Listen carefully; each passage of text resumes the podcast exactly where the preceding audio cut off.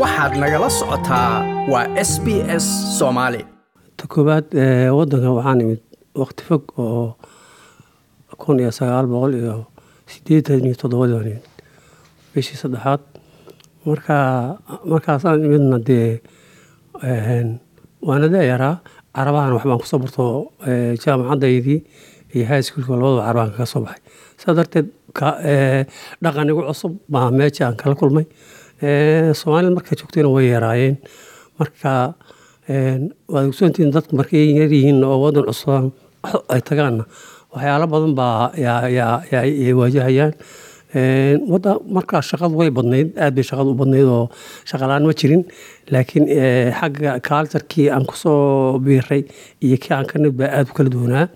Markaa darteed alxamdulilah dadka intooda badnayd way way dib u noqdeen way soo guursadeen marka anigu ilaa laba sano markaan joogay oo waaga baasboorka waxaa lagu qaadan jiray laba sano. Laba sano markaad foomka buuxin jirtay waa lagu dhaarin jiray. Sidaasaa maaragtay yaa sitiska lagu qaadan jiray. Marka marka intaa joogay baan noqday. Marka si taasna waxaan u dadegsanaya waxayd inaan diinteyda badbaadiyo. Waxaan iga goonayd inaan soomaaliya ku noqdo mar kastaba iga goonayd. Hase haatee wadankii baa isbedelay wadankii markuu burburay waxaa noogu yimid dadkii soomaalida oo kala duwan. Hooyo aabo adeer walaal sodohda dumaashida sidaas baa marka sidii kaalsirka markaa kooxdaanadii hore aan ku noolayn dad badan baa ku milnay kaalsirka cusbaa ee australia. Marka laakiin waxaa badbaadiyey hooye iyo aabbo iyo adeer iyo dumaashi iyo abti oo la sponsor gareeyey ayaa badbaadiyey. Markaasaa dad badan baa haddana sibdii maaragtay diintii iyo kaalsirkii dib ugu noqday. Marka waxyaalaha dhibka badan een kala kulana waxay ahayd soomaali ahaan waan yarayn dad aada u yar baan ahayn dadkan hadda ka xusuustay waxaa ka mid ahaa buulle iyo salaad catoosh iyo ragbi axmed sidni iyo dhowr adu nin la yidhaahdo maxay ahayd way badnaa cabdidaahir iyo koox baa ahayd. Marka isku meel baanu mar kastaba weyniga isugu iman jiray waan ku kaftami jiray. Markaasna waxaa bilowday jabhadiibay soomaaliya burburkeeda u sabab noqday baa bilowday. Iyo siyaasadii markaas gudaha ka socotay tii baanu ka kaftami jiray oo waxaan jiray. Marka waxyaalaha badan dhibka ugu badan waxaa aniga ahaan la kulnin meel aan dago keligay baan waa keligayna iskama bixin karin dadkii saaxiibadayna saaxiibbay wada lahayn marka taasaa dhib ii waa gartay inta badan waagaad soo gashay melbourne baad deganayd sanado badan kadibna labadii kun iyo sagaalkii baad u soo guurtay magaalada beth marka nolosha melbourne iyo beth maxay kala duwan yihiin? Maxaa kugu keenay inaad ka soo guurtid melbourne oo aad west australia timaad? Waa su'aal meesha ku jirta.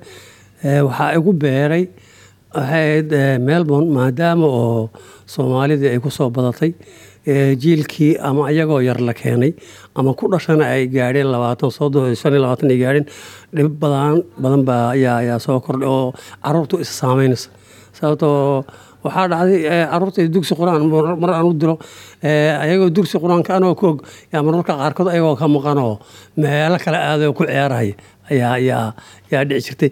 Sidaa darteed waxaan go'aansaday inay halkan ay noqoto meesha ugu roon ee carruurta iyo dhallinyarada ugu roon inay tahay ilmo kastaba meel kastaba uu joogo ama soomaaliya ama halkan ilmo iska fiican iyo ilmo qalqaaliga labadu waa jiraan. Marka ilmaha qalqaaliga ma garanaysaa aada u firfircoon kaalsirka durba ku dhex milma.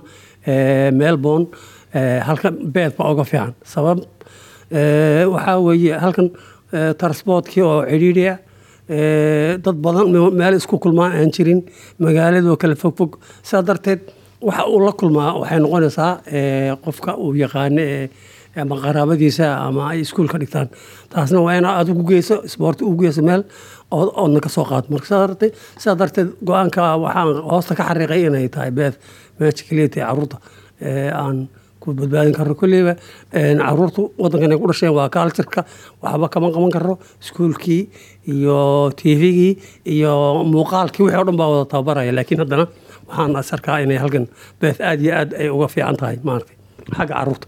Waa gartay qoysas badan oo soomaaliyaha carruurta waxay geeyaan dalal dibadda. Qaar baa masar la geeyaa qaar baa maleeshiya la geeyaa qaar baa soomaaliya la geeyaa kenya la geeya adugu laftigaagu caruurtaada dhowr sano ay wadan ka maqnaay meel kala geey marka maxaad isleedahay faa'iidadu waa tahay in carruurta la kaxeeyo dhowr sano ay soo noqdaan. Mase ka faa'iidaad isleedahay dhowrkii sano ay maqnaayeen?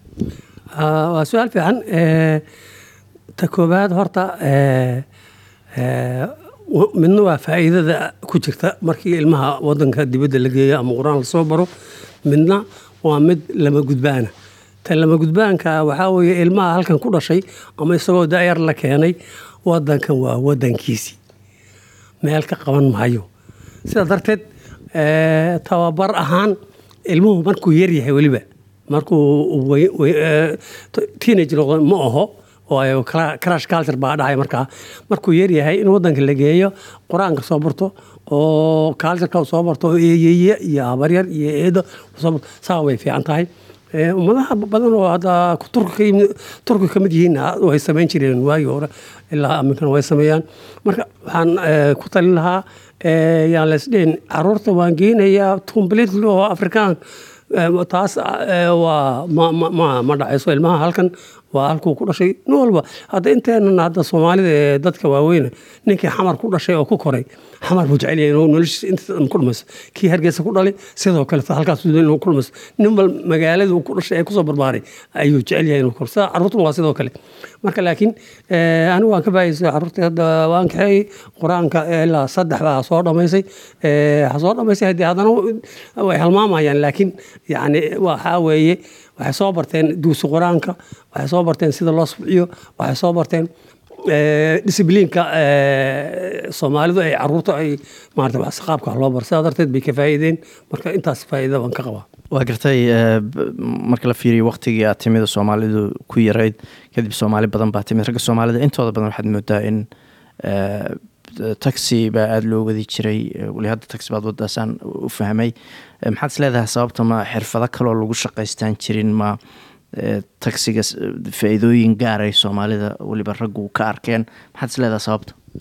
Horta ta koobaad waxaa weeye horta wadankan waxa laga shaqeeyo waa inaad wax ku barato oo shahaadadaada weliba shahaado oo shaqada loo baahanya inaad barato mooyeen. Waa laba wey inaad inaad warshad gasho oo warshad aad ka shaqeyso sideed saacadood ama ka badan iyo inaad taxiga ama kuriyaha ama waxyaalaha adigu aad ismaamulayso inaad loodaa gasho. Wey sidaa darteed dadka waxaan u arkaa soomaalida waxaa taxiga ku qasbaya waxaa weeye shahaado oo wadanka ay kaga shaqaystaan mahaystaan dadkan dad banki ka soo shaqayn jiray dad saraakiil ahaan jiray dad macalimiin ahaan jiray dad accountant ahaan jiray aniga lafteeda hadda jaamacad baan ka soo baxay taxiga maxay shahaadadii markay ay qiimeeyeen waxay dhaheen waa inaad laba sano ku celisaa. Anigoo haddee markaa weynaado caruurtii bilaabay marka waa ila noqon weyda inaan carruurta inaan carruurta marka carruurta inaan koriyo oo mustaqbal u sabaan meesha go'aankaas saa darteed carruurta taxiga dhib badan buu leeyahay in badan baa laga maqnaanaya laakiin waxaan soomaalida ku waaninaya carruurta waa in waa sidii sidii xoolaha in looga warhaya carruurta wadan khataraan joognaa ilmuhu saaxiib buu leeyahay isagoo gurigiisa joogu meelo xidhiidha leeyahay. Marka darteed waa ilmaha waa in lala saaxiibaa waa inaan la dharbaaxin waa inaan la gulguulin iskuulka waxaa lagu baraa tribalazera lagu baraa jail abuse baa lagu baraa. Waxyaalo badan oo inagu inaa ina hadda aweer ahayn baa lagu baraa. Sidaa darteed ilmihii marka waxaad noqonaysaa inaad isku dhacdan ama ilmihii marka dambe uu daaqada ka baxo. Sidaa darteed waalidiinta soomaalida meelay joogaanba carruurta ha laga warhayo si si caqliyeysanna waa in loo loo handalgareeyaa ma aho wadankan wadankii keenoo kale ma ilmaha waa ilmaha yani hadda afarta sane wadanka dibadda soo jooga ilmaha iskuulka uniformkiisa way ku seexan jireen maxay u seexan jireen aroortii hadday internet timeka hadday dib dhacaan waa la garaaci jiray gacanta laga garaaci jiray marka sidaa darteed marka kii iyo kan dhibrada marka sidaa howlahaas awgeed waa inaan aweer ahaan haddaan nahay soomaalida. Waa gartay. Soomaalidu dibadda markay timid inkastoo nolosha qurba joogtinimada iyo faamilka iyo sida hadda ka sheegaysa ay howlahaas mashquul ku ahayn haddana siyaasadda soomaaliya iyo meelihii laga yimid aad baa looga warqabo lala socdayo haddaana khaldanayn ururka o n l f baad ka tirsanayd golihiisa saraad ka tirsanayd. Sidee u aragtaa marka hadda siyaasadda etoobiya ka socota iyo gaar ahaan gobolka soomaalida etoobiya iyo ururka o iyo meesha hadda wax marayaan su'aashaas waa su'aasha jirta horta soomaalida somaali state etoobiya ku nool waa ummad soomaaliyeed. Nin kasta oo soomaaliya ama ku noolaado waqooyi ama koonfur ku noolaadee ama ama kenya ha ku noolaado soomaaligu way iskhusaysaa wixii dhib oo meel ka dhaca wayna saameysaa for example inta dhaweyd dhibkii ka dhaca hargeysa soomaali meel kastoo joogto way ka gelgelatay minnesota ha joogto halkan ha joogto meel kasta marka sidaa darteed etoobiya dhib weyn baa ka socda wax ka iman doona allah hadda laakiin ururkanaga oon lafta aan xubinka ka ahay waxooga siyaasa khilaaf wuu jiraa. Urur mar kastaba khilaaf ku waa up and down bay noqonaysaa. Laakiin keliyan anigu aan aaminsanahay waxaa weeye soomaali state hadda maanta ummadda joogta nabadgelyay ku haysataa ciqaabtii hore ee ka jirtay gobolka hore ma jirto nidaamkii t b l f ee hadda ilaa soomaaliyada xorta ahayd qeyqeybiyey ee ummadin ummadda dadka hataa saraakiisha iyo mutacalimiinta intellectual layn jirtay way ka baxday meesha. Saa darteed marka hadda in somali state hadda hawsha ay jirto in wixii khalada la tuso oo loo saxo waa sax.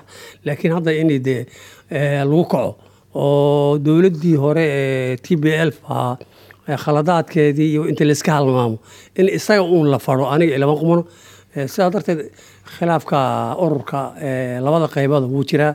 Hasa oo lama inkiri karo laakiin dee ma dhahayno ma jiro. Laakiin waxaan rajaynaynaa goordhow ama ama goordhow ha noqotee in la xaliyo oon dib isugu soo noqono oo ururku sidiisi uu ku soo noqdaan garta marka adugu waxaa qabtaa macnihii ururku inuu la shaqeeyo hadda dowladda cagjar ee gobolka ka talisa taas qodobka waxaa weeye waxaan qabaa ururka marka dibaddaan joognay eritrean iyo xafiis noogu lahaa marka labada dowlad ay heshiiyeen eritrean waxay dhaheen wadankiina ku noqdo wadanka gudihiisa wadanka gudaha laga xoreeyaaye siyaasi noqdo tii baan noqonay xisbi baan noqonay waan israjis gareynay marka sidaa darteed dowladdan gudaha joogta inaanu aan wixii khaladana aan tooshka ku shidno wixii wanaagana aan la shaqeyna anigu saasaan qabaa.